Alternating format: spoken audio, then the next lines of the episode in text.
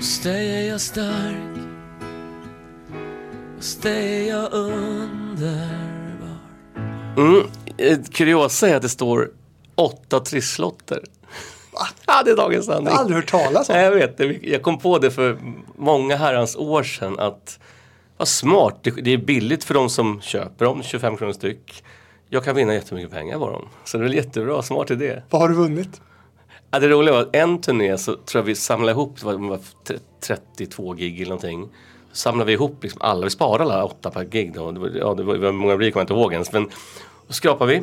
Då tar man sista gigget, sista, sista, på vägen till sista gigget, då skrapar vi. Någon får sitta och skrapa. Ja, men vi, nej, vi, vi, vi, gjorde det helt framför alla. Vi satt så en skrapade och en skrapade och så vet jag det vart. Så att då, av de här 150 lotter någonting så vart det hälften, vi vann tillbaks hälften. Så skapade vi dem. Okej. Okay. I slutändan vart det ingenting. Nej, det är ingen bra affär. Men det är roligt. Det är roligt. Spännande. Man vinner väldigt sällan. sällan. någon vinner. Men någon gör ju det. Ja, men drömmen är tre tv-apparater. Man får sätta sig hos Steffo och ja. Jenny. Och... Hade du satt dig där då? Ja, Steffo är en god vän till mig. Så ja. jag hade gladeligen gjort det. Men du, är det det enda som står på riden? Nej, såklart inte. Man har väl två backar öl, någon, någon, någon um, två vitt, två rött. Vi hade ett år minns jag, hade en tjej på gitarr, Monica Stark. Då hade vi Kahlua och mjölk. Hade vi. För hon ville ha en, en sån... Ja, Mjölkdrink? White, heter det, vad heter den? White Russian heter den tror jag ja. Så något år, men den här stryket nu känner jag. Och nu i sommar jag ska jag på stor turné med fullt band, vi är sex personer. Så då får vi göra kanske en ny rider. jag har inte bestämt än vad det ska vara. Önskelistan. Men äh, den här backen eh, öl då, sådär, dricker du innan gig också? Nej, men, så här, jo, men sjunga tycker jag. Eh, är det konsertutspelning och ganska långt, så här, jag kan ta någon öl absolut. Men gärna inte mer än en eller två max. Liksom, så här, för att, och bäst att slappna av i diafragman och slappna av. Liksom, jag, vet att, jag vet att Pavarotti och alla de här som sjunger så, de slappnar av mer. De tar ofta två små snapsar. Gör de. Kan jag tänka mig. Ja, men det är sant, de gör det. Ja, ja, det, det, berättar, det berättar faktiskt ähm, Bo von Sydow för mig. Alltså inte Max von Sydow. Bo, en sångpedagog, legendarisk har haft Joey Tempest, Tony Norum, Tommy Nilsson. Så han, jag gick hos honom när jag var 15. Han som berättade för mig att alla tenorer, speciellt 80 de här, för att slappna av diafragman, om du är nervös ja. så spänner du dig. Och för att slappna av då, så två små snaps. Nej, men man vill hålla hans klass. Pavarotti-klassen. Eh, det är dags att starta ett avsnitt av Hitfabriken som passerat 70 avsnitt. Wow. Jag heter Fredrik Rahlstrand.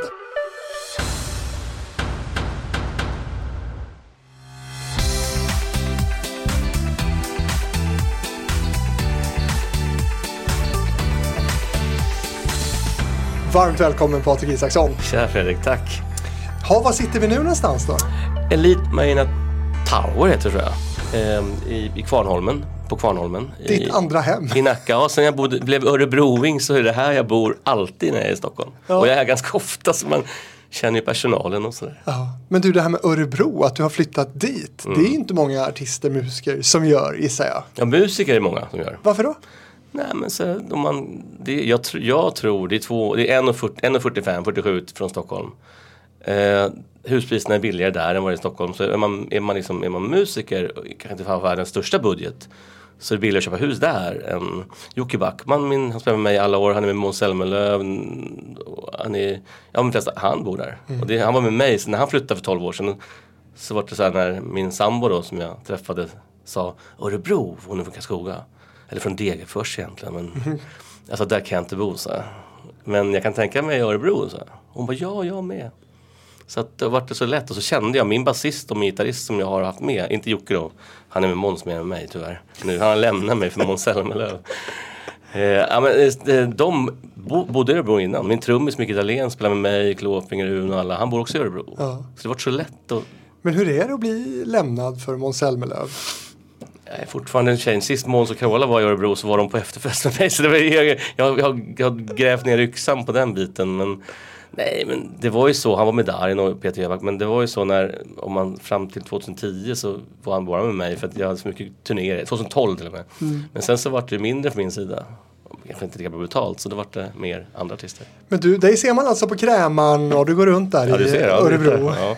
Ja, men ja, jag går mycket, jag går mycket, jag älskar att gå. Så att de ser mig. Väldigt trevlig stad. Eh, var där på någon sån här staycation för, för kanske ett år sedan eller mm. sånt där. Och upptäckte att det finns mycket krogar och restauranger. Trevlig stad faktiskt. En av krogigaste städerna i Sverige. Är det det? Mm. Det, det öppnade, vad 125 nya krogar sedan tio åren. Men hur är det att utgå då? Alltså som artist att utgå från Örebro? Men hela mitt band bor ju där så det, det, ja. vi, vi sticker därifrån. Det är perfekt. För jag tänker att det är som Stockholmsfixerad bransch du är i ändå. Ja fast tänk så här, det är närmare Göteborg. Mm. Det är närmare Skåne. Det är lite längre om man ska upp till Norrland men om man ska, let's face it, det här med att turnera i Norrland det gör man bara ibland då och då och då gör man oftast i ett sjok samtidigt. Man åker inte tur, retur, tur, retur, det gör man inte. Ja. Det kan man göra till Småland, det kan man göra till Skåne, det kan man göra till Göteborg men inte till Norrland. Mitt första minne av dig Patrik, mm. det är ju faktiskt att vi har träffats förut. Mm.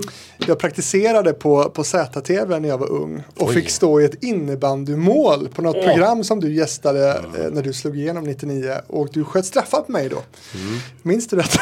Gissa, vet du vem programledaren var? Var det Tobias Big, big Emilia, var det det? Yes. Jaha, gud, jag, minns det jag, jag minns det nämligen. Ja, men vad sjukt att du gör det. Jag vet det. Men 99, det var ju sånt där år man skulle kunna tänka sig att du kanske inte minns någonting. För det var ett ganska viktigt och stort år eh, för dig. För det här, det var ju ditt genombrottsår kan ja. man säga. Vad gjorde du precis innan där? Du var på Sveriges Radio. Ja, precis. Jag var på programarkivet i tio år.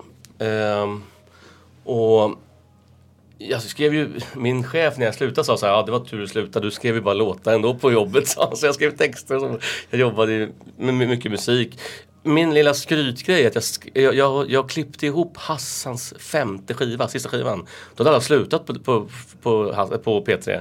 Kanske också slutat lyssna på Hassans Ja, kanske det också. Men och då, så fick jag av Hasse Pil och Fredrik Lindström så här, tre kartonger. Här, här är sketcher vi inte vet om, om det var bra eller så här, klipp då, eller busringningar. Mm. Om det var bra eller inte. Så här, lyssna. Så jag fick ju sitta i flera månader och lyssna på dåliga, dåliga busringningar som de ratat tidigare. Mm. Och så hittade jag ja, var det 23 stycken någonting till skivan då, som, som funkade, som ändå var dugliga. Liksom. Ja.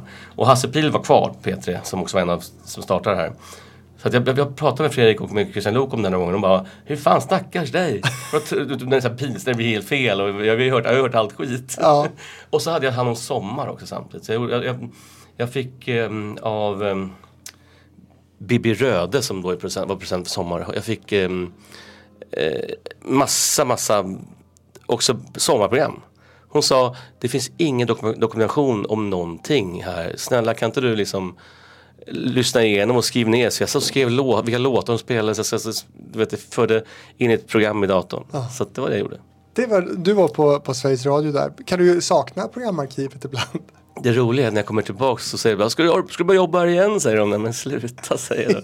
jag saknar För de är kvar dina kollegor? Ja, många, många är kvar. Ja. Men jag, jag, kan sakna den här friheten i att man behöver inte vara slipsklädd eller man behöver inte vara, du vet på SVT också, det är, det är, det är en ganska skön vibe liksom. På TV4 är det lite mer sådär jag är högt uppe, du är rang under mig. På Sveriges Radio var det inte så alls. Alla var liksom ganska viktiga. Mm.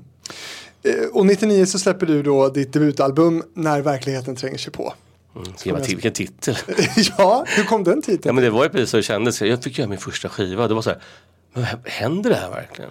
När Anders Glenmark ringde, händer det här mig? Jag fattar ju ingenting. Jag var, var så, och så bara, ja det blir en skiva. Oj, det kommer en sing. Oj, det var... Men varför hände det dig tror du?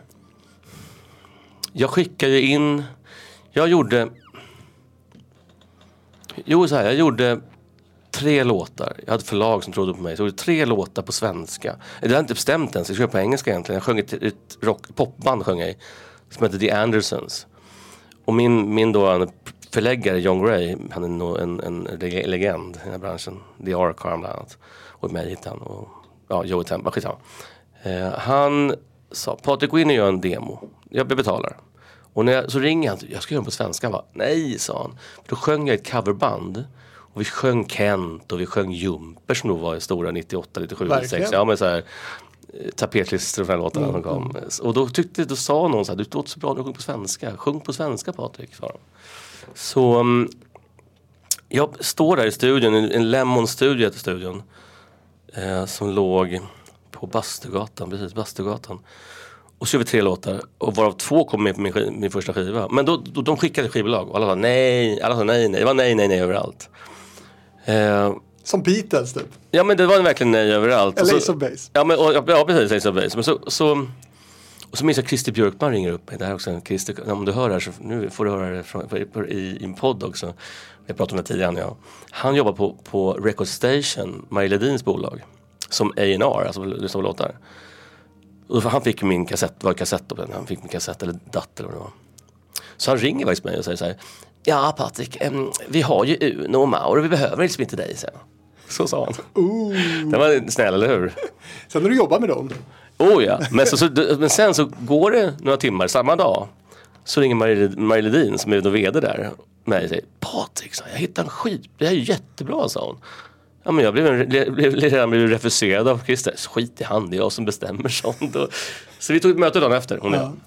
Jag. Men är inte det där väldigt typiskt också, branschen? Det, här, det handlar ju om tycke och smak. Bananskal också, mm. tur. Det var bara tur. Tänk om inte hon hade hört den här skitetejpen. För hon sa, hennes grej var att bland, när hon åkte hem från jobbet så stopp, tog hon med tre kassetter och bara stoppade in och lyssnade på i bilen. Och så hittade hon min som tur var då. Kassetter. varför? Otroligt. Ja, men det är fint att höra det på något sätt. Men, men den här låten var den som fick dig att slå igenom. Vad hade du väntat med livet som varit? Du letade En låt som handlar om en väldigt tragisk händelse om en vän till dig. Ja. Berätta. Johan Berglund heter han. Han, ehm, vi, var, vi bodde i Italien han och jag tillsammans för att han behövde komma från drogerna. Så jag fick tjänstledigt från Sveriges Radio. Jag fick tjänstledigt för att vara, åka med han till Italien tre månader. Eh, Men det gick ju sådär, han var ju alkoholist eller så han söp, han söp nästan ner sig istället. Men vad var tanken med resan? Nej men vi skulle åka på hans kusiner. Hans ehm, eh, faster var gift med en borgmästare i en liten stad som heter Sacile i, norr, norra Italien bredvid Venedig. Eh, Så vi skulle åka dit och bara jobba på deras, de hade en vinodling, de hade skofabrik och så. Det var kul. Vi jobbade inte en dag. Vi, vi, vi drog till Rom, vi drog till Venedig. Vi, vi hade kul istället. Vi jobbade inte en dag. Vi var fulla hela resan. Ja men nästa han var i alla fall. Jag, jag, jag tränar så mycket. Jag har alltid tränat mycket. Inte, kanske inte, men jag tränar, jätte- jag tränar jättemycket. Så jag var inte det. Men han var väldigt så. Eh, sån. Han hade ju, när man har en beroende nerv så är det svårt tror jag att vänja sig vad man gör. Liksom. Och då skrev du om honom. Ja, för att han, han ring, innan han dog precis så ringde han hem till min telefonsvarare och sa så här, Fan Patrik, nu mår jag bättre. Han var på behandlingshem i Umeå. Nu mår jag bättre. Ehm, jag kommer snart hem till Stockholm. Då dog han.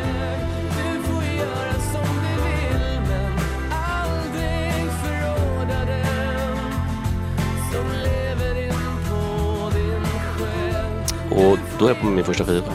Så då... Ja, det var ju, jag kände hans pappa och syrra och han, vet, man är, han gick på heroin och man, gör, man snor ju saker, sålde grejer, man förråder det. det jag sjunger. Man förråder liksom de som är närmast. Och det är det jag sjunger. Så är storyn. Tänker du på honom varje gång du spelar? Nej, jag tänker, Eller har du fått ett eget liv? jag tänker faktiskt på mitt ex, ex, ex, ex Monica faktiskt.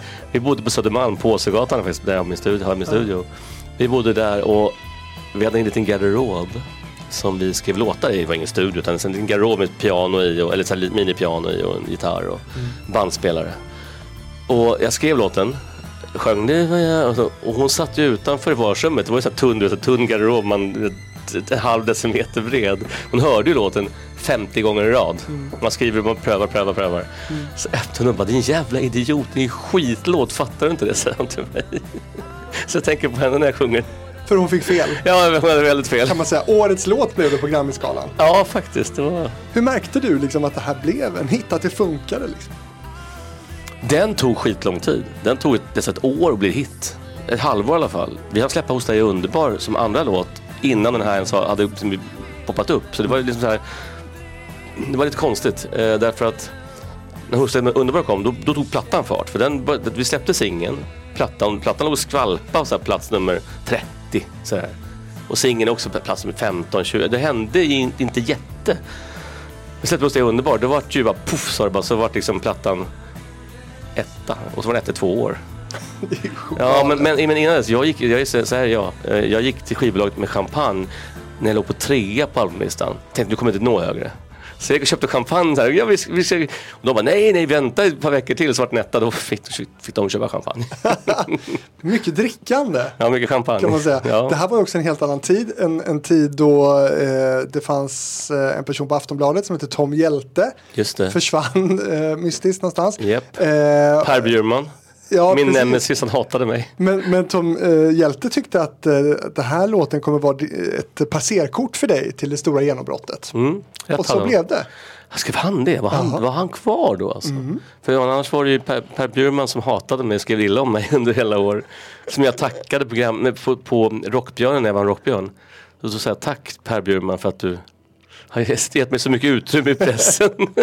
Men, men förvånansvärt nog så, så var det så att med Du får göra som du vill så testades den på Svensktoppen Mm. Kom i inte in. mars 99 och kom inte in. nej. Men sen nådde den topp 10 på singellistan. Då kom det vart det vart försök igen. Och då vart det. Men med facit i hand då, var det här fel första singel?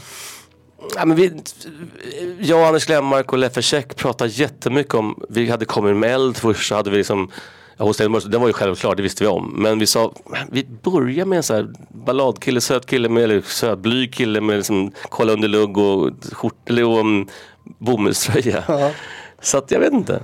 Ja, men bara skivomslaget, jag syns inte, det är bara en skugga på mig. Så att det är roligt att man ser inte att ingen visste vem jag var. Jag var världens mest okända popstjärna. Du var som en, en som jobbar på ett arkiv i jag. på Sveriges Radio. Ja men det roliga är att Annika Lantz spelar min låt varje morgon på morgonpasset. Sprang in och tittade med hej hej, sprang hon tillbaks. Bara, nu har jag tittat på han som sjunger så.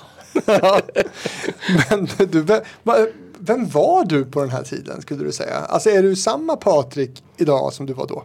Ja det är absolut. Det är ing, jag, är aldrig, jag har aldrig varit pop, jag vet inte, jag vet inte hur man är popstjärna.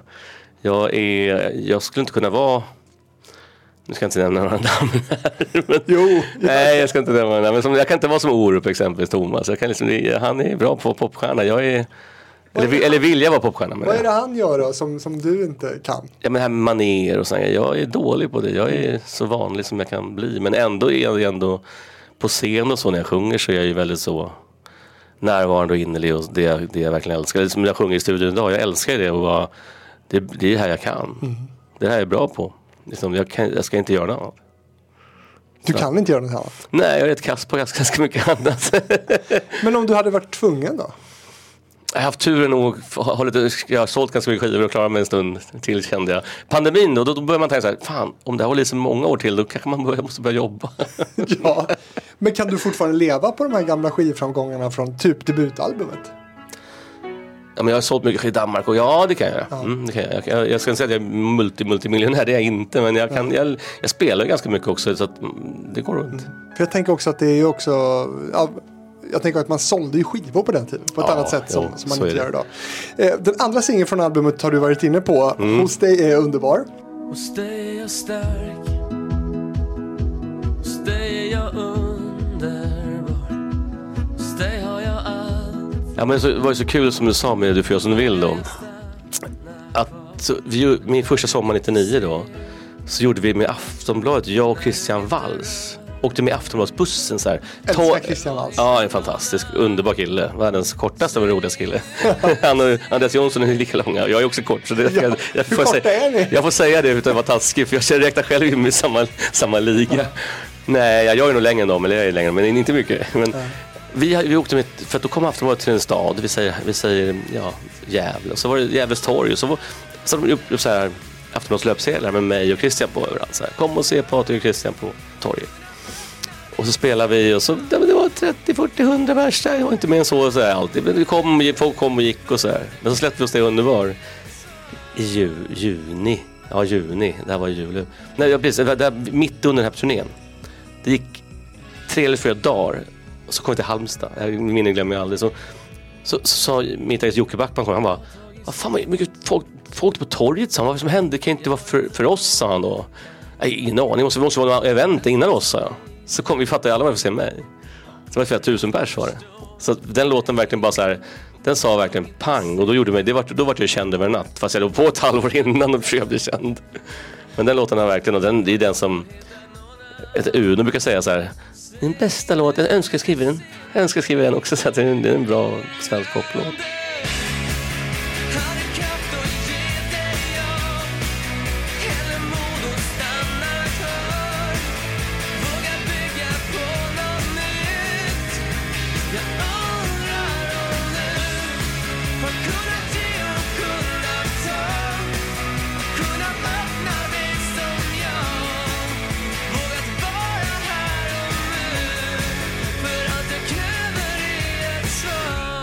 Och det sa faktiskt Anders Glenmark det första han sa. Han bara, "Oj, nu är du klar, sa han. Du behöver inte oroa dig, sa han. Kan man säga att det är din signaturmelodi helt enkelt? Ja, det är det nog. Det, det, det är den som spelar på diskon fortfarande. Jag, får, alltså, jag, får, jag fick från Erik, Sade, eller häromdagen fick jag från Danne Saucedo när han var ute och bara Isaksson, nu kör om dig. och diskon, så halv tre liksom. Är det sant? ja, det är helt sant. Det är jätteroligt. Ja, men den spelas ofta bland kidsen. Den har vi har fått så här revival bland kidsen, typ runt halv tre, tre när de stänger. Kör den. Wow. Mm, det är helt sjukt. Det tror man inte. Hur känns det? Ja men det är jättekul. Jag, som jag, sa, jag har ju polare som har nattklubbar i Göteborg så här, som är unga, med 25. Som Åh Isaksson, kör, vi kör dig varje jävla kväll, eller varje helg. De, vi, de bara älskar dig, kidsen. Okej, säger jag. Gud vad roligt. Ja. Men du, du är aldrig ute själv och stuffar sådär sent och kan uppleva detta? Nej, jag har inte varit, någonsin varit på disco till 33 på 20 år tror jag. Men du, det här samarbetet med Anders Glenmark då, eh, han producerade ditt eh, debutalbum. Med två första. Två första till och med. Eh, hur var det? Ja, men jag, när han fick en stroke där, som han fick där, så messade han så här, shit, eh, hörde om det Anders, jag blir så berörd liksom, för du är så viktig för mig. Han startade liksom, han, han eh, tog sig an en, en blyg liksom, kille med page. Jag hade faktiskt sett jag såg ut när han träffade mig. Jag hade, l- l- hade fått en jacka av min, hon Monica XXXX, Monikas brorsa, han som var på bank, en så här fin bank, så här skitfin. Jag hade ju så här flanellbyxor liksom och ekoskor. Jag var noll popstjärna. Han var, när första lunchen vi hade, så helt, han måste ha skrattat ihjäl sig när han såg mig. Vad var det som gjorde att Anders Glenmark tog tag i dig tror du? Ja, men det, han fick ju en kassett där av, av, eh, Marie Ledin. Hon hörde mig, gillade mig och skickade den till honom. Men till mig sa hon så här, nej, för, för vi satt på hennes kontor och, och, och hon sa, vem kan ni väl ha som producent? Danne Sundqvist, hon sa en massa namn liksom. Adam, eh, Adam Kviman och, och så kollade jag och så satt en bild på Frida på vägen. Jag bara, gjorde inte Anders djupa den plattan? För jag gillar den plattan. Jo, sa han, men han gör inga nykomlingar. Han har inte gjort någonting sen Orup på tio år, sa han. Så, nej, han gör inte det. Nej, men han skickade, lån- han vill jag ha, jag vill ha Anders, sa jag. Och så gick det några dagar så bara på min telefon på Sverige 0- 08 784 vad det nu är på. eh, eh, kommer jag ihåg. 784 något. Ja exakt, ja, precis, hade jag 15. ja, skitsamma. Så ringer min, min telefon så bara Hej, hej det är Anders. Så var det Anders Lennmark som ringde mig. Och sen var det bara så, Men han sa en rolig grej, Jag har hört tre låtar sa han. Hur många till har du? Ja, jättemånga sa jag. Ja, men har du dem på tejp? Eh, nej, bara med gitarr sådär på ett kassettband. Ja, men, ja, gå hem och så, försök få ner, boka en studio och få ner i alla fall tio låtar till mig. han. Så jag gick hem och så ringde jag Franco Santonione. Han lirade gitarr i Electric Boys gjorde han då. Han var kompis också med mitt XXXX. Nu är Monica med mycket här. ja, hon, är, hon var med i början. Ehm, så han var, blivit- studiotekniker också. Så vi spelade in med ensam med gitarr och en mick så sjöng jag in 17 låtar. med text och allting. Som Anders fick. Och av dem så kom ja, fem, sex stycken med på skivan. Sen skrev jag en ny också. Men det är ju, alltså Anders Glenmark är ju ett unikum och en eh, levande legend får man väl Faktiskt, säga. det hade jag det. Det är inget snack om det. Stort att få, få honom som producent. Ja, det Hur var- var han att jobba med? Anders är... Kan jag verkligen nog rätt här så säger så verkligen blir, För att han är så extremt jävla gru, gruvligt begåvad. I världens snällaste, jag ska inte smöra för mycket, men världens snällaste. Men också väldigt så, vet vad han vill. Kan sin sak. Är han krävande? Är det det du... Nej, men vi, nej, nej vi har, vi, jag ska bara säga, vi har alltid haft en fin, så fin relation. Så jag, eh, han har aldrig någonsin, sen vi skrev en massa låtar till andra sen också han tillsammans. Så jag är nog en av de få som han har jobbat mycket med, även efter liksom sin, min, min, vi har ju inte jobbat ihop liksom. Eh, så bodde vi grannar också, också var ju bra. Men, nej, men han är så, han är en slarvig perfektionist. Han låtsas vara slarvig. Han kan glömma någonting med flit. Man ser att han vill inte, men han kan för att det inte ska vara för perfekt. Liksom. Så det, det, Anders är, och det är inte bara jag som säger det, säger väl hela musik-Sverige. Om man gillar Anders så gillar man Anders väldigt mycket. Och så finns det någon som inte gillar honom alls, liksom, som tycker han är för Ja, så perfekt, lite tjoig och tjimmig liksom. Men jag tycker Anders är, mm, det är en av världens bästa stråkarrangörer också. Han är helt magisk på det.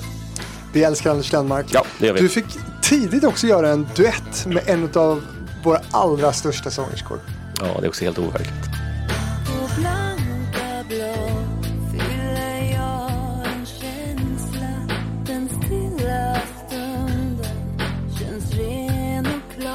Hur hamnar du på den här låten med Marie Fredriksson? Ja, men, Det som var nu heter den, från Ja. 2000. ja, det som hon nu precis. Eh, jag vet, hon ringde också mig. Det är helt sjukt. Hon ringde liksom mig. Det var så, här, så, här konstigt Hej, hej, det är Marie. Och jag bara så här, liksom, vad, vad vill hon? Vad, vill- vad, vi har inte träffats någon gång eller någonting. Jag har inte träffat henne eller någonting. Och när hon... Jaha, jag ska släppa en samlingsskiva. Vill du vara med på den? Jag bara, åh, det är klart jag vill. Jag sa ja på en gång. Jag bara, ja. Jag har inte hört låten ens. Så då var jag i Sälen med mina barns mamma, min dåvarande, alltså blivande fru då. då. Ehm, Då vi träffas hon och jag. Så jag sitter i Sälen och får hur fick jag låten skickad till mig? Fick Sofia eller? Sofia, precis. Ja. Fråga, Ja. Alltså, SVT. fråga, fråga doktorn, Doktorn Sofia. mina barns mamma. Precis. Tittar du på Fråga doktorn? Nej, det gör jag inte. jag, är inte jag är inte så gammal, jag var 50. nej, men om några år kanske, när vi är, när vi är 60 kanske. Nej, nej, det gör jag inte. Okej, förlåt. Nej, ingen fara. Ja, ingen fara. Ehm, nej, men så, jag tror jag fick den skickad till mig, för jag var i Sälen en vecka där. Så hon skickade den på CD-skiva på något slags fodral och så kom det hem och så Sofia var på jobbet och jobbade på Sälen. då. Så jag lyssnade i hennes dåliga stereo och bara okej. Det var ju en halvdan demo men sen var det ju skitbra. Men det var en halvdan så här, Micke hade gjort den hemma lite grann sådär. Eh, men så, så kände jag så här, det är Marie. Jag kan inte säga nej.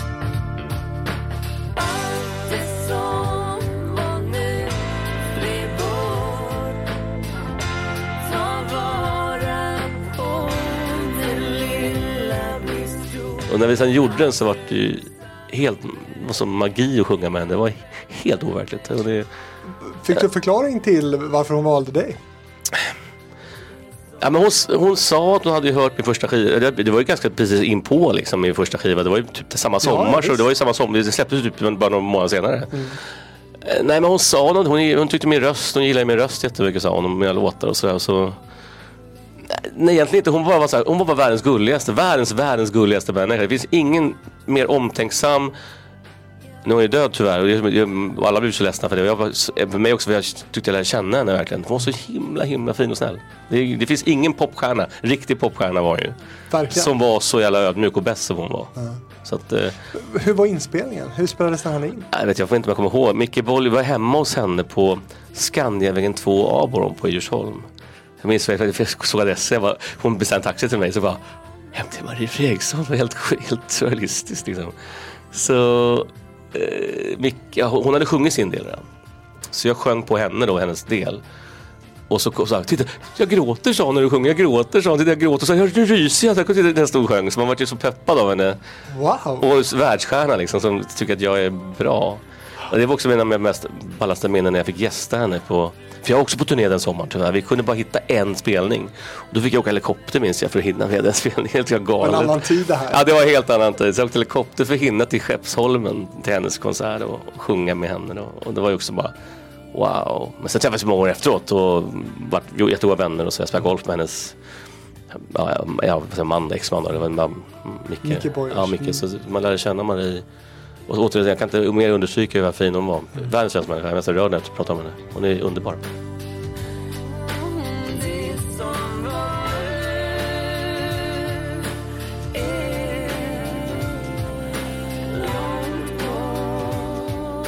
Är det enda gången du åkt helikopter till en spelning? Nej, det har hänt ganska många gånger faktiskt. Eh, och, och privatjet också. Vi gjorde en signeringsturné, jag och Darin. Då åkte vi massa, massa jetplan och skit. Åkte vi. Så här, ja, ibland, ibland när skivbolag vill någonting, då gör man så. Och då får de det gjort liksom. Innan Greta Thunberg. Ja, precis. Kan man säga. precis. Ehm, 2001 så kommer ditt andra album, Mm. Tillbaks till ruta 1.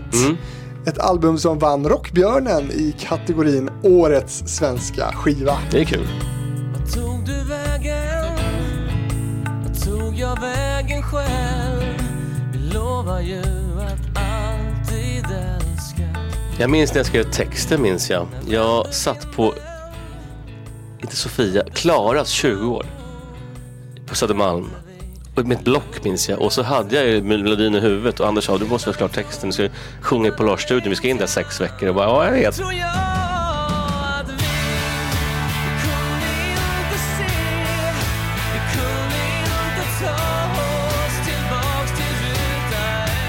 Och så saknar jag två texter. Den och en till. Resten var klara.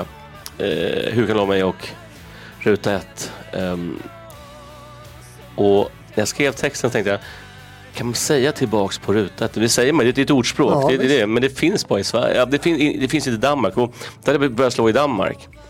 Så att jag ringde till min kontakt i Danmark så kan man säga, han bara, nej det går inte att säga tillbaks, tillbaks till hvor vi var sen på danska. Så jag sa, fan ska jag göra om titeln så det passar för även Danmark, så släppa Danmark. också. Just det. Så äh, jag skiter i det, så jag skrev på svenska så. Och sen gjorde, hette den tillbaka på da- danska sen och gjorde duetten där i Danmark. Så, så jag minns väl när jag skrev, jag minns att jag satt där och ringde, han bara, kan jag säga så här? Men det finns två textversioner helt enkelt. Men det finns en dansk och en svensk version. Ja. Mm. Da- Danska versionen är, är en duett med en dansk artist. Så att, eh, och den Vem då, minns du? Christian Bröns, ja, ja absolut. Ja. Han gjorde Du får göra som du vill i Danmark och det är deras största, om du kan gå in och kolla, det är deras, deras största hits genom tiderna. Det var inte jag som sjöng den då, men han var Grammis på den låten. I Danmark. Året, ha- halvår efter mig. Ett, ett år efter mig. Gud vad häftigt. Vi kastar in den här.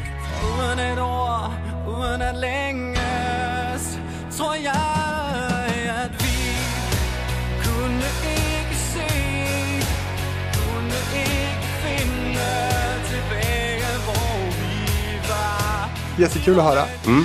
Eh, för det är också kul med musik att det kan eh, spridas och spelas in av andra och sådär. Mm. Och det händer ju när man gör riktigt bra musik. Ja, jag har haft turen att få haft några till. Jag har haft en holländsk hit med samma låt. Du får göra som du vill. Patrik, vad kul! Det kommer en ny storfilm. Din låt är ju med med en tjej. Vad fan hette hon? Förlåt, jag svor. Förlåt. Eh, och så var det en jättehit i, Ja. i, i Holland. Och det, det är inte jag som sjunger återigen. Och då ju Ebba August gjort cover på den också. Ja. Men du har ju skrivit i alla fall. Ja, ja. Men den, den, Du den, som den, cashar in på den. Ja, det gör jag. Det kan man lugnt säga att man är på den. Det är tur man har några sådana låtar som betalar hyran fortfarande, brukar jag säga. Örebrovillan ska betala. Nej, lyan i Örebro. Och lyan i Örebro och elen och allt det här. Mm, Den ingår i hyran. Ja, grattis hörru. Mm.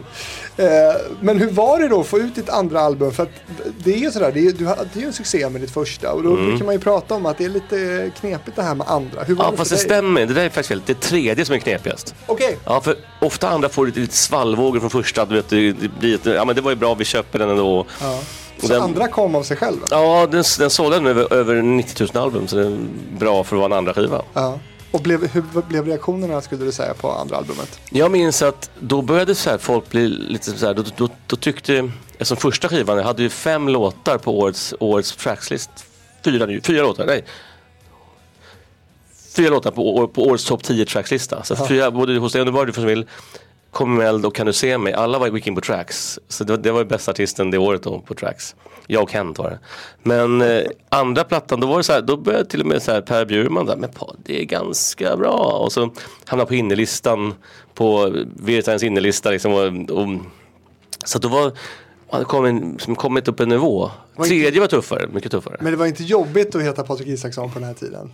Nej, det var var inte det. Så var jag, var, så var jag ju singel precis där, här, här emellan två och tredje skivan i nio månader. Så det var, det väldigt Ja. bra att popstjärna och singel. Det Då, trevligt. var du, då rumlade du runt. Ja, lite gjorde jag faktiskt lite grann. Inte jättemycket. Jag är en skötsam pojke. Skulle du säga att du utnyttjade ditt kändisskap det för att gjorde- få tjejer, Patrik? Nej, inte metoo. Inte, ska vi inte in. Nej, det Det gjorde var jag innan metoo. Ja, precis. Nej, men, det, nej, men jag, jag, det samma där. Jag, jag har svårt för att vara den som utnyttjar ett sånt. Jag vet inte hur man gör så. Jag är bara mig själv.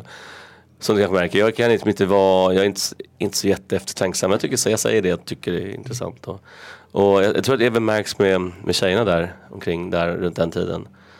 Eh, det var värre, det var roligare, det var enklare att vara singel för några år sedan jag var det. Då var det, då var det tycker jag, då, för då hade jag nästan, nästan anammat mig själv som 10, 12, 15 årig popstjärna liksom. Nu, det, det var så pass nytt, jag förstod inte. Jag kommer ihåg jag, stod i, jag ställde mig i kön på Spybo. Så vaktade bara, Patrik kan du komma hit, komma in? Jag bara, jaha, så stod tre polare. Så jag sa, vi ställer oss i kön, nu vet jag, nu kan jag gå före, nu kan jag faktiskt göra det. Och inte skämma, eller ja, nu vet jag hur man gör. Men då, jag fattar inte det.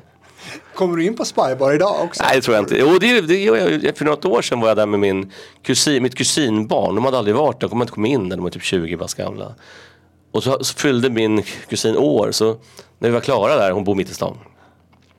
Så jag går ner och släpper in er sa jag. Så jag gick ner och sa tja, så gick vi, jag och min kusin, kusinbarn och två kompisar in. Sen gick jag hem. Ja, okej. För Spy, har Spy, Spybar liksom liksom... Finns det ens? Typ? Ja, jag håller med. Typ, finns det och är det samma liksom grej som det var då? Jag vet inte. Jag, jag gick bara in och kikade därifrån. Efter, efter Tom Hjältes tid. Ja, precis. Du, ja, men 2004 då kom alltså ditt tredje album då, Det svåra kanske, eh, Mm. Vi som aldrig landat. Och det som såldes, såldes sämst också av alla egentligen skivor. För att eh, det var precis då det hört det här med, med, med um, kopieringsskyddet. Så de gjorde kopieringsskydd på den skivan men det, det funkar ju inte. Den kom ju ut på en gång ändå. Och det var innan Spotify. Så där någonstans så var det svårt lite grann. Och så den turnén var inte så rolig. Turné, jag minns turnés, premiären uppe i, uppe i um, Skellefteå. Jag och E-Type och någon mer var det. Då, det var ingen bra recension. Va, va, Nej, det var, jag, kommer, det, jag, jag, jag minns ringde mitt skivbolag och sa läs inte sa de bara. Jag gjorde- inte det. Nej, men jag har haft, haft, samma, haft samma band med på, på fyra, fem då, stora turnéer.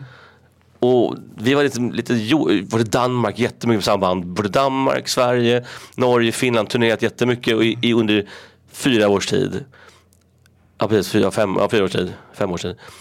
Så det var lite så nej fan. Blir du lite mätt här? Kanske det. Fast inte, inte, inte, inte skivan, den är svinbra. Jag- 85 är den bästa låten, den är min favorit nästan fortfarande. För den nya skivan. Men, men den spelar vi, den och, den och En chans till är super så här, fans favoriter. Så att i, den skivan är väldigt bra. Där, men just turné, samma band. Jag, så jag böt sen efter den turnén så böt jag band. Jag behöll bara Jocke Backman, jag behöll en kille. Resten böt jag ut för jag behövde det. För man var lite mätta på varandra. Vi hade gjort också turnébuss och bott ihop så mycket. Och liksom levt ihop och fräscht, fräscht blod. Ja.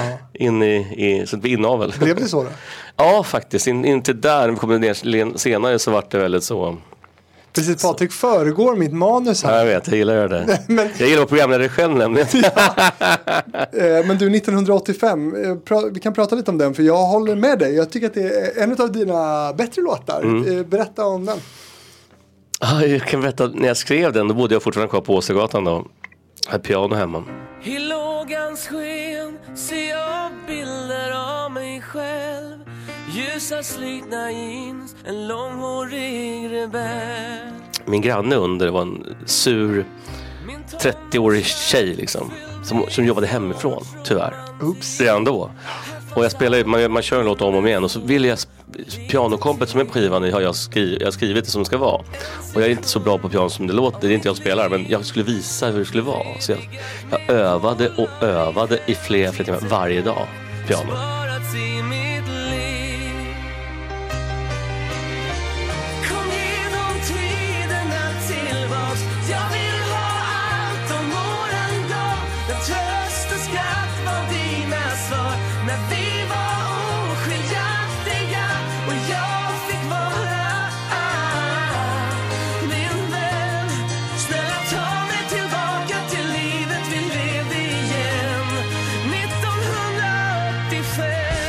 1985 Så skrev jag en lapp i brevlådan så här. Det blir säkert en hit Patrik men för fan sluta spela den nu skrev hon till mig. så att, ja, jag minns väl, den låten är en sån här, jag minns när jag skrev den, jag minns liksom text, jag, jag, jag, det fanns ju internet men jag åkte till biblioteket eh, i på Odenplan, eh, Kungliga Stadsbiblioteket. Precis på en. Och så tog en bok, så här, 85, vad hände då liksom? För kolla, Tage Jansson dog exempelvis och hände massa grejer. Men nu, och Bruce Springsteen var ju då på Ullevi och min mamma var där och såg honom. Så jag ville få in massa element i låten. Men jag använde inte så mycket av det jag läste på den här, eh, Vad hände då? boken. Men eh, det är fortfarande idag när jag sjunger den så blir jag, det handlar om min mamma. Och min, min skivbolagschef då, eh, Per Sundin som var även då chef på, på TV4 många år och Ugglas manager ett tag. Så han, för när jag berättade i intervjun, en intervju vad det handlade om så kom han och kramade om mig på skivbolaget. Jag grät fan när du berättade om han din mamma. Jag hade ingen aning om det sa han. För hon dog ju tyvärr eh, 88. Så att, ehm, Och vad, och vad betyder hon för dig? Ja men det var ju så, det var väl en, vad, vad, är mamma för en ensamstående, ensamstående mamma för en, en ensam barn liksom. Det blir ju tajtaste som finns liksom. Så när, det, när det rycks undan så blev det ju extremt så sårbart i, i livet liksom och har varit det sedan dess. Jag tror det är därför jag använder musik. Jag tror det är därför jag liksom är ganska blödig inombords och är ganska så, ha har. Och det, det är väl det jag använder mig av, det är det jag är duktig på. Det kommer en ny låt på nya skivan som heter Bortom ropen, bortom skratten som handlar om min son, som, min yngsta son som är 16. Eh, om hur man är, hur, för han bor i Skåne och jag bor i Stockholm. Och hur man känns som pappa. Det, man, så här, det var inte som det var tänkt från början. Vi skilde oss och det är klart han funderar som jag funderade. Så att eh, den är väldigt så. E- Eva Attling skrev till mig faktiskt idag skrev hon. Hon fick höra låten igår. Skrev hon till mig att jag skulle läsa här. Vad Eva Attling skrev till mig Det vill vi idag. höra. Ja, hon skrev så här, vi läser själv. Här är Eva Attling. Hon skrev, så skrev jag, jag skickade låten så här, jättefin låt med A Father's Remorse and Love. Skrev hon. Så du skrev spot on skrev hon. Hon fattade texten på en gång och den är väldigt så. Hon gillar med musik så jag brukar skicka henne till före alla andra. Har du haft med dig Eva Dahlgren här? Nej. Nej, kan du ordna det? Ja, säkert. Det kan vara Jean Klemmark göra bättre än mig. ja, jag är inte så bra, vi är inte så bra vänner. Nej, men henne vill jag ju naturligtvis eh, träffa också. Men det Ja, finns det- eh, fortfarande episoder kvar att göra. Absolut. Verkligen. Eh, men ehm, vad hette din mamma? Margareta.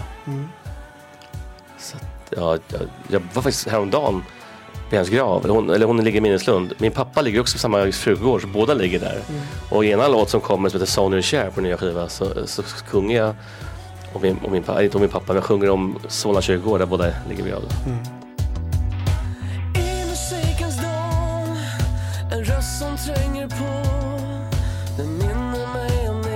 Nederlag Innan dagen gryr Mm. eh, är ju en, en väldigt hoppfull låt på något sätt. 2004 kom den. Berätta Mm. om låten. Ja, den trodde vi som fan på som singel. Vi trodde verkligen det här blir en hit tänkte vi. När, Ja, när vi, den ja, vi, vi, vi tänkte, vi var verkligen så här, Peter Kvint producerade skivan. 85 vart ju en liten hit alla på radion. Den var ju både Riks och Mix och spelas. Men den här hände, hände ingenting med en dag Vi var så här jättebesvikna. Även vi som hade landat som var tredje singeln som också trodde jättemycket på. Låter ju som en sån här P4-låt. Ja men i alla fall, det, ja, men det, det kanske den var. Det var det var den nog. Men ehm, jag var, den, den låten har jag nästan förträngt. Vi har inte spelat den på så många år. Ehm, jag tycker det, det fina med den är att det finns en, en tjej som heter Sara Isaksson som är också grym sångerska, en av mina favoriter. Hon körar på den låten och jag var så jävla stolt och glad när hon sa ja till det. När hon kom in och bara, och så sjunger hon som hon bara, hon bara Det är hon som hörs mycket i. Ja, ja hon, hon sjunger också bry, bryggan. Tänker också på mig. och Sara, min stör, en av mina största svenska idoler, tjejsångerskor. Eh, Eh, så det minns jag väl. Och så minns jag också väl att när vi skulle spela in den låten, den och 85 och några till. Så dagen innan vi har bokat Decibelstudion här i stan så, så spelar Sverige mot Finland i fotbollshockey. Och, mm, och Sverige vänder och vann 6-5. En jättekänd match. Då ville vi gå med 5-1 och så vänder vi och vinner 6-5. Och vi är ute och kollar matcher med kompisar och partajer. Wow! Och så ringer Peter Kvinn, producenten bara. Patrik, du måste komma hit in till mig för att ah, hela hans dator har kraschat. Så alla, alla filer, allting är borta. Och vi har, det enda vi har det är CD-skivor med, med låtarna på. Alltså demon har vi gjort demos. Så dagen efter ska vi vara med alla musiker ska spela in de här låtarna. Du måste komma hem till mig nu. Jag bara, men fan, det är, det är ju Sverige har ju vunnit. Och då, så, här, så jag fick sitta här och komma hem till honom och spela piano ge mig alla låtar med rätt tempo så de fick någonting att lyssna på när de spelade in. Det minns jag. Du var ju inte nykter då. Jo, det var jag. Var du det? Jag blev nykter, men jag blev nykter jag skulle jobba. Jag blev nykter. Minne ditt hjärta om mig. Stunder av lycka är vårt vapen.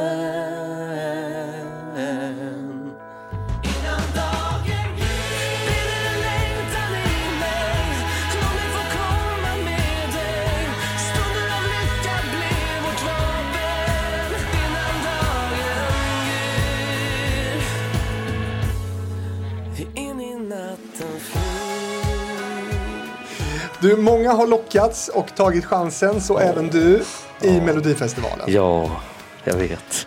2006 tävlar du med Faller du så faller jag, som tar sig till andra chansen och Ja. slås ut där. Av Rednecks Ja, hur och kändes, Magnus Bäcklund. hur kändes det då? Nej, katastrof. Det var, jag måste vara helt ärlig. Jag, jag varit övert, övertalad att göra den slagen. Jag vill inte göra det. Jag, vill, jag, jag, jag kan inte göra slagen. Jag har gjort det tre gånger. Hur dum får man bli? Men plötsligt så, så möttes di, dina, dina, din väg och Christer Björkmans väg igen då. Japp. Frosten biter kvar Nu när min framtid ter sig ljus Men de hade tjatat många år. Ja, faktiskt. Det har de gjort. Jag sa, jag sa ju nej redan här liksom att göra slagen. Du vet, så i början på alltså, första skivorna. 99, 2000 där. Ja, för jag har aldrig gillat, jag har aldrig, förlåt, jag har aldrig gillat slagen någon. Jag har inte, jag tyckt, ja, när Carola vann kanske när jag var liten liksom, men, men Eh, Jag tycker inte, när de tog bort band och sådär nu, när det, det är som, det är som Idol fast liksom, fast ett, de, de, man ser Louise Hofsten och Uno och alla vi har varit med och det går inte bra. Peter Jöback eller Magnus Uggla, det är ju det är ju de som är kanske de största, de går åt helskotta för sig. Men vad beror det på? Ja, det, jag har ingen aning. Det jag, att jag, tror, jag tror så här, det var jag tror bara. Jag tror att, att en slagelåt som är så bygger ju inte en artist. Utan en slagelåt, det är bara men det, det är ett jättebra verktyg. Men på slutet är det inte dåligt någonstans. Jag Men vi har ju byggt upp vår karriär på ett helt annat sätt än att bara vinna slagen eller slå igenom slagen och sen få en karriär. Det är, det är bara Carola och någon till som har gjort det i Sverige. Som har, och ABBA har såklart, jag kan inte ta bort någonting än ABBA. Men, men just för... Jag tror, jag säger det en igen, igen. En, en, sl- en bygger ingen artist. Vem vann förra året? Eller förra, förra året? Kommer du ens ihåg det? Nej, det ser jag. Det, det, går ju fort emellan de här åren. Jag vet. Eh, Cornelia Jacobs vann förra året. Just det, precis. Hon var jättebra. Asbra. Hon är fantastisk. En fantastisk låt också. Men är det inte bara helt enkelt så att ni skickar för dåliga låtar? Ni tävlar med för dåliga låtar? Nej, men det där var ju en jätte... Fall du får lov var en jättehit. Ja, jag tycker också det. Nej, men den blev ju, det var ju den mest spelade låten på det året. Det var den, den och Evighet som mest men spelade varför låten. röstade inte folk? Nej, men det var, det var ingen låt man gillade på en gång.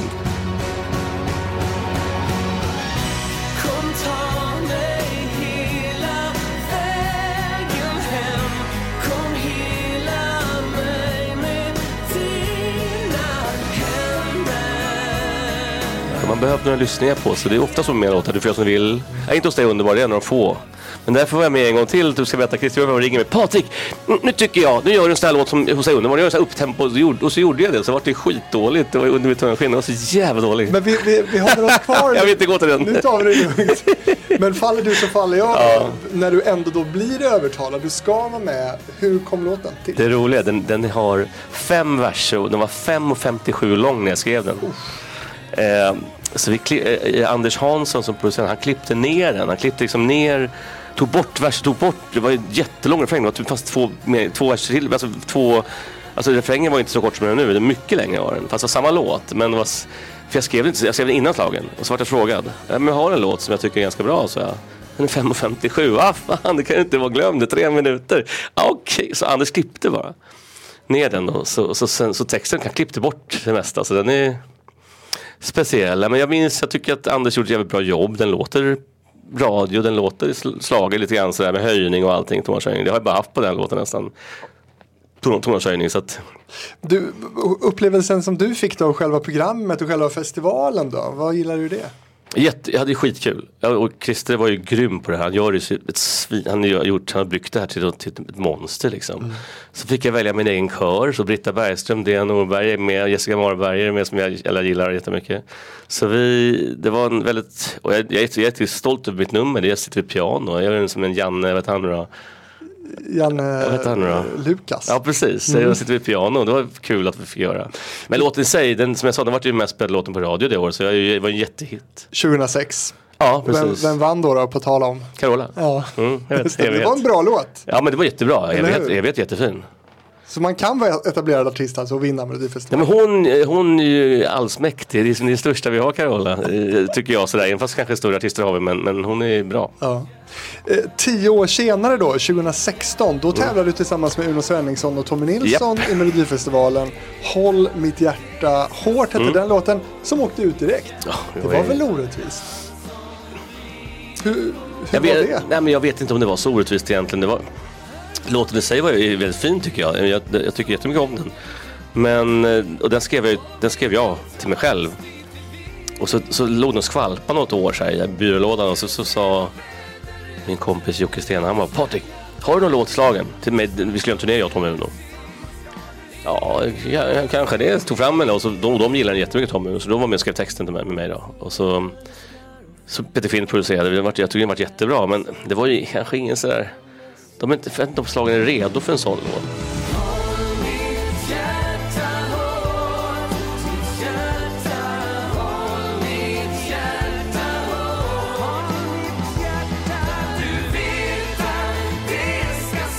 Du vet var ingen riktig slag om man Nej, säger nej. så. Men det behöver det ju kanske inte vara. Men den var ganska djup. Ja men jag tycker den är fortfarande... Djup vi- den är fin. Ja, den är jättefin. Och den, den har ju streamat två miljoner bara för att vi aldrig ens körde den. Är jättemycket bra. Eh, och alla ni tre, eh, du, Uno och Tommy, ni har gjort varsin ölreklamslåt. Det är också kul. Uno med Vågorna, Mm. Tommy Nilsson med Dina färger var blå och du då, samma år som du tävlade solo i Mello 2006, Mm. släppte din öllåt. Innan klockan slår. Medea på kör och duett. Jag dansat med en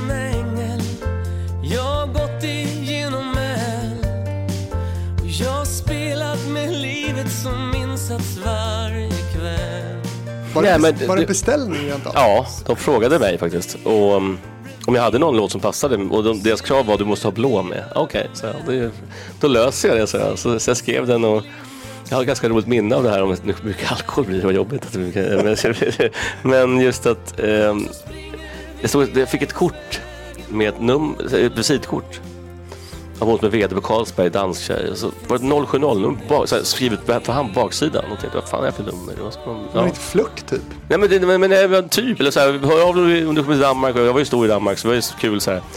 Det var ju, jag var ju tillsammans med Sofia då, mina barns mamma. Och så ringde jag det numret. Och, någon kväll sådär, någon eftermiddag var det. Efter. Och bara, "Ah, tja det är Åke. Så var det en kille som svarade, gubbe som Åke. jag bara, ja hej Åke. Ja Isaksson, hur många backar öl vill du ha sa han. Va?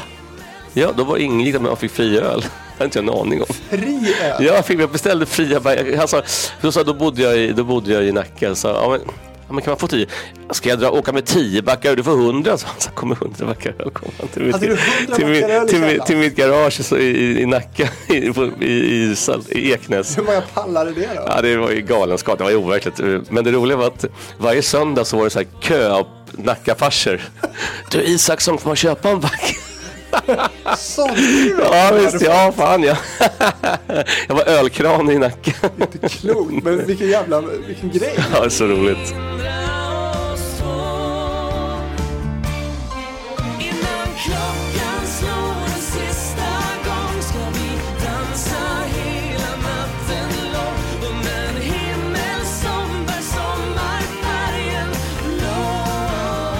Om du hade ringt idag, hade du fått... Nej, nej, det, var- det här var, var, bara två år jag fick det. Okej, ni hade en... det var, för, för när jag ringde en gång så var det pip, pip, så fanns inte han kvar Åke. Det är dagens sanning. Åke var sänkt i bilrubriken. Han, bö, han, bö, han böt, böt mobilnummer och hade sig. Oh shit, okej, så det var, det kanske var liksom ditt dedikerade nummer till, för att få öl. Ja visst, jag, ringde. Tja, ja, tja Isaksson. Men eh, innan klockan slår då, vad, berätta om låten. Vad tycker du? Det är väl den låt jag tycker är sämst om som är mina singlar. Den och som vi sen kommer ner lite senare. Det finns två låtar jag är inte så stolt över någonstans som jag har gjort som jag släppt som singel. Och, men det- folk älskar den. Det- Jag, om jag inte spelar den blir de sura på mig. Men den skrevs jag, liksom, den, den skrev jag till just slagen, eller förlåt till eh, Prips-grejen. Så den var skrevs med ett syfte. Och jag tror inte det speciellt bra att skriva låtar till syften. Liksom, att det ska vara speciell reklamlåt. Eller så. Det, det blir ofta inte bra. Det Men det blir, funkade. Ja, den var ju en jättehit. Den var ju, det var ju så synd att den här sommaren då med, med först Fall du fall jag och Innan klockan slår, två jättehits. Så gjorde jag ingen turné. Nej. Följde med Riks FM-turnén gjorde jag så här 20 gig. Tjänade inga pengar alls. Dåligt. Men jag kunde göra en stor turné själv med ett band för då gick, gick det så himla bra. Men du, vilken av era tre öllåtar tycker du är bäst? Jag älskar Vågorna. Unos låt är ju fantastisk. Den är, det tycker jag är nästan den bästa låten av alla. Såklart Tommys låt också, Farbror är också jättefin. Nu, är jag spelar, nu är jag ju partisk här, vi har ju spelat så mycket ihop. Eh, sen gillade jag, vet du han, jo, Stefan Andersson. Välkommen då upp i det blå. Jättefint. Det är sikt, jättefin låt. Ja precis. Ja, man, Stefan är bra, han var bra. Du, eh, hade du kunnat eh, sälja det igen? Göra någon mer? Ja men det, det, det kanske kommer. Är det på gång? Jag kan inte säga för mycket men det kanske kommer en reklamlåt snart. Ja, då, det gör det alltså. Jag och en till artist. Men handlar det om öl då? Nej, nej, nej, nej. nu får jag nog med alkohol. Vad handlar det om då? då? Bilar. Aha, Får se. spännande. Ja, det är inte klart än, så jag, jag kan bara säga så i alla fall. Så har inte sagt någonting. Ja, nej, men eh, du har skrivit något specifikt då? Något beställt? Mm, till bilmärke, ja. Ja. Vad, är, vad, är, vad säger de då att de vill ha? Om Prips vill ha ordet blå, Mm. vad var beställningen här? Nej, det var väl det var jag som kom med idén till det här märket då, som är med vänner som har, som, som är väldigt stort i hela världen. Eh, och de sa, jag, jag tycker det är en ganska ku- kul idé. Det, Olora med liksom Saab var ju fantastisk med Verkligen. Release Me och, och Ja, det, det, det, det, om man kan få göra en billåt, liksom, så här, åka billåt. Jag har försökt göra en åka billåt. Det är, inte, man hit, det, det är inte för min skull egentligen, det är för bilmärkets skull. Och, den, den, ska, Lite för din skull. den ska lanseras i hela, hela Europa liksom, så det är på engelska också. Mm. Så det är jättekul. Men jag får se om jag lyckas. Jag får på mig en dag i studion, får se om jag lyckas. Ja. Bra betalt. Vad kostar du liksom? Nej, vad jag kostar, det, det är olika. Ja. Det beror på vad man ska göra, jag kan vara gratis om det är så. Jag, Men ett globalt bilmärke, då tar du väl betalt? Ja, men jag ser det som, den här, jag har en till artist med mig som sjunger på engelska som är internationellt stor, svensk då. Som, så jag gör det mest för hans skull, för vår skull. För jag, jag har ingen ambition att slå i Tyskland eller England. Eller jag, nej, men jag, har, jag, jag, jag är jättenöjd med Danmark, Sverige, Finland, Norge. Det är jag jättenöjd med. Och jag vill inte sjunga på engelska heller, men den här låten är skitkul att sjunga på engelska. Jättekul. Heter Here comes the night heter den. Kul! Eh, du har samarbetat med andra artister också. Mm. Ja, Eh, ganska många. alltså. Verkligen. Eh, och eh, en du har sjungit duett med, det är Sarah Dawn Finer i den här låten. 20 Storgatan ner sen går jag tillbaks Det är måndag kväll Ja men jättekul. Sarah är, jag var ju med henne innan hon, innan hon var känd och innan, innan hon slog igenom. Och, 2007 är det här. Ja precis, men eh, jag träffade henne många år innan. Hon körde med Erik Gadd 2000 och så, här, vi, så vi, Hon är ju fa- en fantastisk sångerska. Så hon kom hem till mig. Lite underskattad eller? Eller har hon verkligen nått den framgången som hon skulle kunna? Ja, bra, bra sagt. Ja, hon är ju också känd mer som julvärd och som programledare och som eh, podd och som allting. alltså, ursäkta mig, men lite bortslarvad musikkarriär skulle jag nog säga. Alltså hon skulle kunna vara Sveriges Adele. Och så är hon inte Ja, nej, men hon tappade också rösten. Hon, tyvärr, jag vet inte hur hon mår nu, men det var ett tag sedan vi, hör- hon, vi hörde somras i sig. Men, ehm, nej, men hon, Sarah är, tycker jag, hon, hon, är, hon står ut verkligen. Hon är topp top, top tre i Sverige. Jag tycker Helene Sjöholm och hon och alltså man ska se sådana röster då. Och Carola och någon till som är magiska. Sara Isaksson, Sara Isaksson är ju magisk. Som- ja, ja det, du har rätt i det. Jag har ingen analys på det. Men, Nej, nej, men hon, hon, hon kom i alla fall hem till mig i Nacka där. I, i, det hade alla öl. kom hon hem till mig. Med, med tre, fyra flaskor champagne kom hon hem till mig. Så, och, min, och min sambo var med våra två barn var hon eh, i Dalarna. Så Sofia var i Dalarna. Eh, Så vi skrev en hel natt hon och jag. Vi, skrev, vi drack champagne och skrev musik. Skrev låt, skrev klar låt. Jag skrev låten. Och, eller jag hade skrivit idén men så kom hon och så, så skrev jag texten. Jag minns Peter Jöback ringde mig och så, eller messade mig och sa Fy fan vilken jävla bra text. Precis så där kände jag. Så där. Det var kul.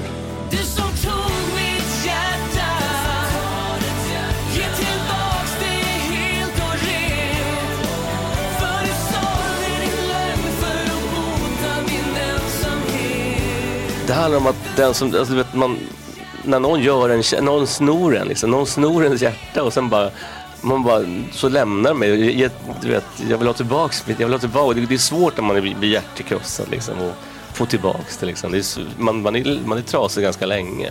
Och du har ju som du sa några ex och, och med den, så du, du, du I kan know the feeling. I know Ja. the, fast det hade jag inte då, då hade jag bara två. Det var ju, då var jag ihop med Sofia, med barns mamma. Men um, sen dess har jag gått, gått lite ut för Men just den, än idag, det är en låt jag verkligen gillar att sjunga.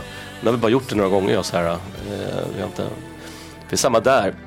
Jag är så fullt upp med, med vad gjorde jag med, ja, då gjorde jag slagen igen med den. Det var, ju samma- det var, samma- det var ju min det- Nej, var det inte? Jo, det var min samlingsskiva var det, precis. Ja, det var året efter, 2008 gör du ett nytt försök i Melodifestivalen med den här låten. Kom till mig, se min förändring Jag trampat upp obruten mark Under mitt tunna skinn från 2008 alltså. Utslagen direkt i Den deltävlingen. ska vi inte prata om, den låten är så dålig så jag skäms. Den, Nej, den, den, den, den? den, och- ja, men jag, jag tycker den var så, det var så, som jag återigen sa, när man specialskriver, nu ska jag skriva en likadan låt som jag skrev förut ungefär så här, och, och det blir ju bara en kopia, det blir inte bättre. Ofta kopia är inte bättre än originalet liksom, så att det, jag lyckades inte där och det är jag helt ärlig med, den är skitdålig.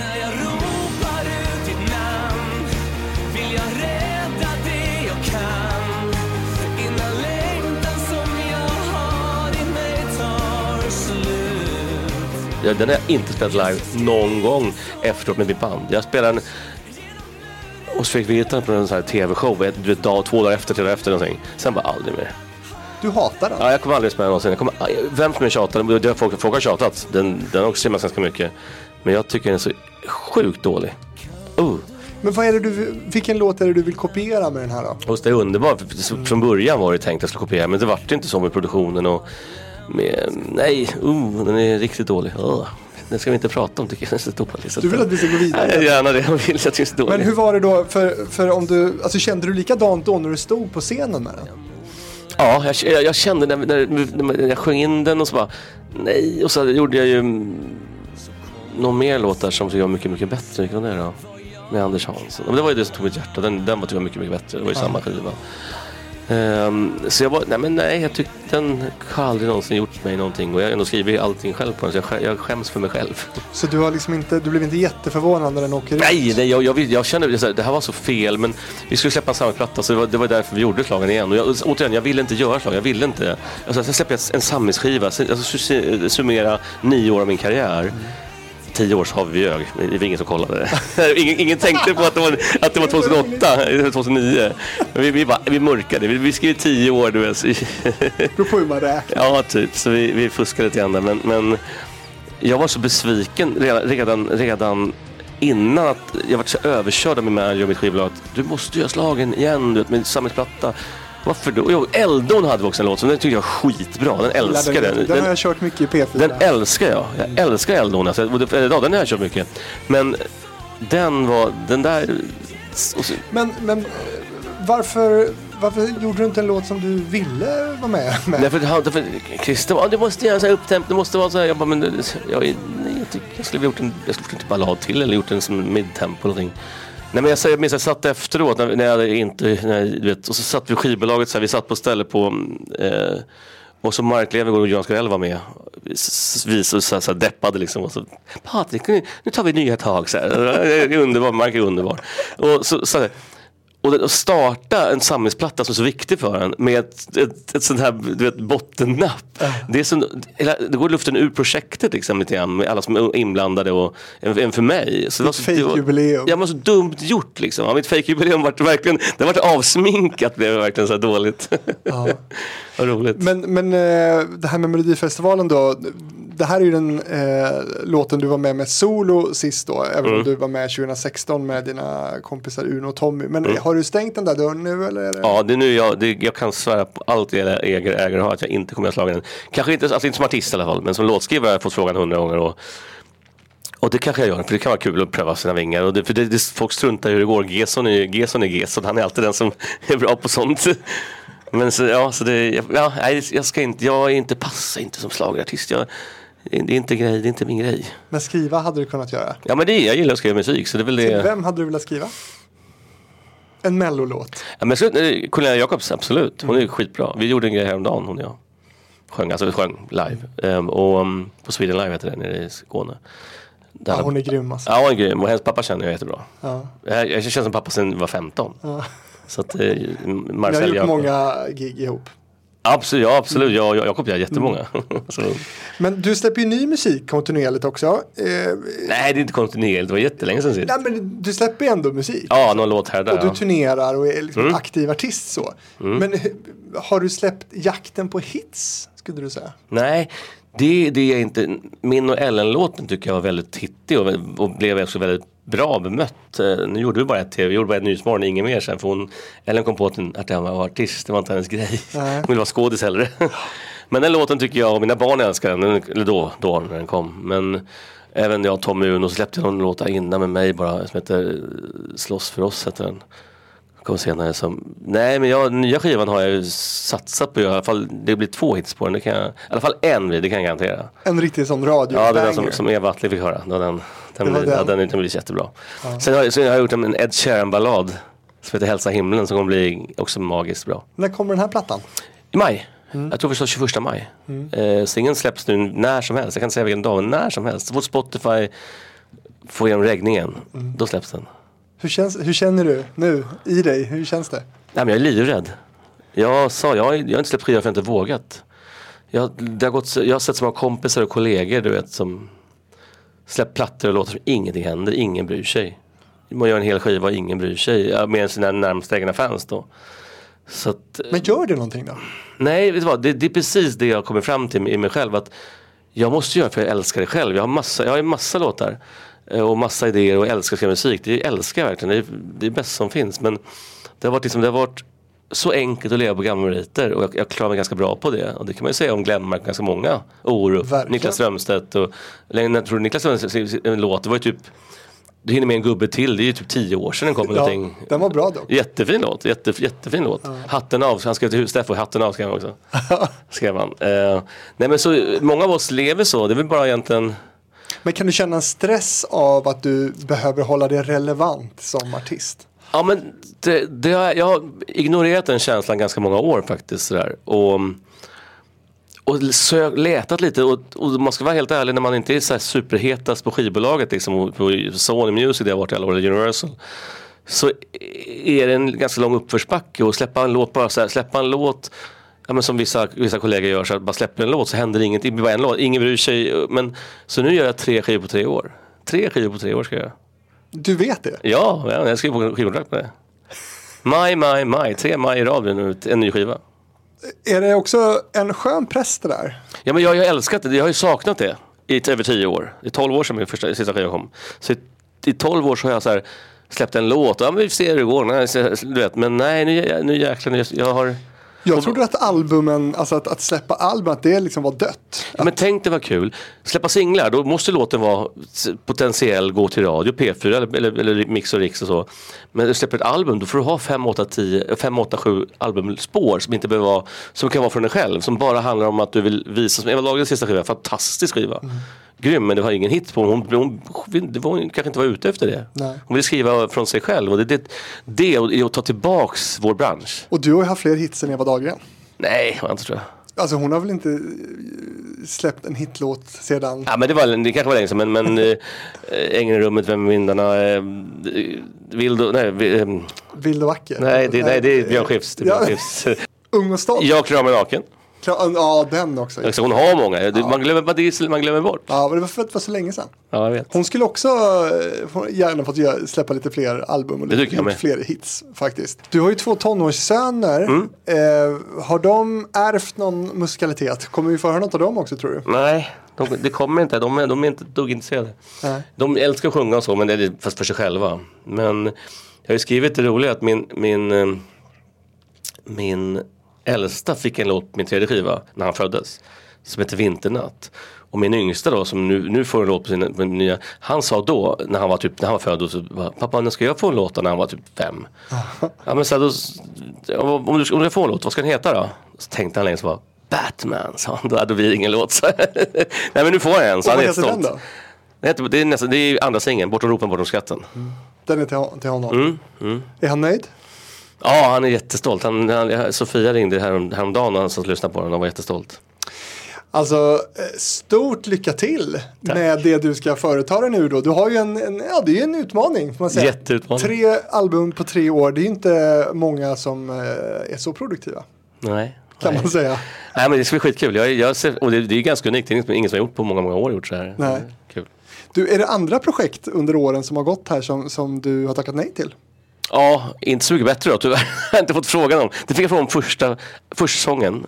Och andra även. Men då, då, då vart det inte jag. Men, Men tackar du ja då de gångerna du fick frågan? nej, först kör alla nej. Så först alla? Ja, då, och andra gången så var jag, då E-Type fick min plats, var så här hårsmån och var, ja men vi ska, så vart det inte jag. Men, men jag, sen dess har jag inte fått frågan. Och, Hade du velat? ja absolut, jag, jag älskar att sjunga, alltså sjunga covers är ju skitkul och sjunga andras låtar. Så det vill jag verkligen göra.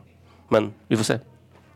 Men det är ju bra att du säger det, för då kan det ju bli så kanske. Ja, men jag, jag har ju hört att jag har varit jättenära flera gånger men det är aldrig jag tyvärr. Ja. Finns det andra sådana tv-projekt du har tackat nej till? Ja, jag hatar att leka i tv. Let's Dance? Ja, det har jag sagt nej till. Eh, Jesper. Blom, Jesper Blomqvist fick min plats och han vann. Ja, okej. han vann till år. Jag, jag sa nej då. Jag sa nej då. Till det. Eh, nej, men får aldrig fångarna. Nej, jag var, jag var där men var inte med. vad, vad gjorde du? Hur, vad, Ja, men min förra tjej Marlene var ju golfproffs och hon var med. Så jag följde med som kuttersmycke. Ja, men, kanske bästa av två världar att få vara där och bara få se fortet. Ja, jag var inte på fortet. Jag, var, jag satt på hotellet. Jag var på, satt på hotellet med, med, med, eh, vad heter det, tappade, Let's Dance-domaren. Eh, Tony Irving. Ja, med hans, med hans kille. Vi satt vi satt och drack, bärs och mös på. Var skitkul bara solade och- medan de hade lekte. Hur skulle du säga att du har tagit, ehm, för du har ju varit en, en känd artist och sångare väldigt länge då nu. Mm, 23 år. 23 år, det, är- det är en Du har ju ansenlig. glömt, jag gjort duetter med Joey Tempest. Ja, det har vi glömt. Bara en sån grej. Vill du säga Ja, någonting? men det roliga, jag, folk, om folk visste vad jag har gjort egentligen med Sarah, Helene Sjöholm, Marie Fredriksson, Joey Tempest, Kalle Moraeus är ingen duett, han spelar för sig, men det är en låt som, här- som Benny gjort arr på, eh, Koppången och ja men med Ellen Bergström och nu kommer en till duett när billåten blir duett också, det är mycket duetter här. Varför har det blivit så för dig? Jag blev tillfrågad. Merit Hemmingsson sjunger på en platta, sjunger En plats i skogen, det är som en duett lite igen. Merit som är fantastiskt duktig. Men du har gjort så mycket så att vi kommer inte kunna hinna Nej, jag vet, jag vet, det är sjukt, jag vet, det är det, det är som är så bra. Eh, Men eh, det här med att vara känd artist och stå på scen och vara en offentlig person och sådär. Hur tycker du att du har behandlats i pressen, i skvallerpress och sådana saker? Ja, inte, inte så farligt. Jag är som jag sa, jag tror också att jag inte, så- jag är inte så ex- excentrisk mig, jag är ganska vanlig. Jag tror inte. För ni var ju ett kändispar Ja. Sofia, ja det var vi verkligen. Och de smög buskarna på vårt bröllop och så, det gjorde de. Och, Gjorde de det? Ja, faktiskt gjorde de. Och, Riktigt så paparazzi. ja, det var det. Var, och även när vi varit ihop igen. Vi, vi vi sk- skilde oss ju, så så vart vi ihop igen. Så var, hittade en bild på oss när vi var på, nu är vi ihop igen i sådana CÖ eller Hänt Extra. Och nu var vi bara, ja liksom. Varför bryr ni er om mig för Hänt Extra? Sen när jag varit singel så var jag ju den hetaste singeln enligt Hänt Extra också. hetaste singeln just nu, okej. Men det är ju bara positivt. Ja. Men hur var det med, med fotografer i buskarna? Ja men det var som tur var, vi gifte oss i Dalarna så det var väldigt så att vi hade väldigt många människor som var rädda om oss och som hjälpte till så det var kul. Det var tur det. Hade på hemligt, ja inte hemligt var det inte men de dök upp där och tog bilder faktiskt på trappen och så fast de inte fick, alltså, fast vi inte, så vi sålde ju inte det direkt utan vi, som en viss bag- bagge de gjorde men vi, nej men ja. Men, och det finns väl alltid, det, det tycker jag är kul tycker jag. jag tycker det, det, då var det så för, förbjudet att prata med pressen, alltså med just Hänt Extra och så. Bara SVT eller bara, bara inte CT var, var speciellt bra att vara med i tyckte de liksom. Men nu har det ju ändrats så mycket. Nu pratar de alla med Hans Shimoda som är en skittrevlig kille. fantastisk På Aftonbladet nu. Ja men han är, exakt, och han skriver jättebra krönikor och är skitduktig. Men då var ju inte han vatten värd tyckte folk. Liksom. Då när han, han har alltid varit schysst, han är en underbar kille tycker jag. Skittrevlig. Vi är grannar i Nacka så det... Han har barn i samma skola vi haft också. Du och dina Nacka-grannar. Ja men jag sjöng ju på skolan, det är roligt, han skrev ju helt extra. Jag sjöng på en skolavslutning för mina barn. De, min äldsta gick fyran pappa kan inte du sjunga på skolan? Min, min, min musiklärare älskar dig. Så jag sjöng hos, innan klockan slår med alla barn. På sko- och så, säger, så står Hans Shimoda i publiken, bara, vad fan Patrik sjunger på skolavslut. Blev en artikel kanske? Ja, Extra. förlåt. Det var kul. Eh, Patrik Isaksson, jag ska berätta för de som lyssnar på det här att vill man kontakta mig då gör man det på fabrikspost@gmail.com. Hur var den här upplevelsen för dig? Kul, jag har, inte- jag har min första podd någonsin. Jag har sagt nej till alla poddar jämt. För jag har inte tyckt det var intressant att prata om någonting.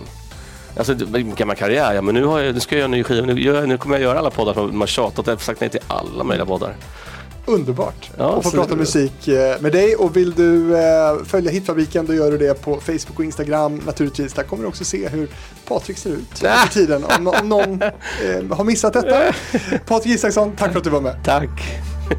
Roligt.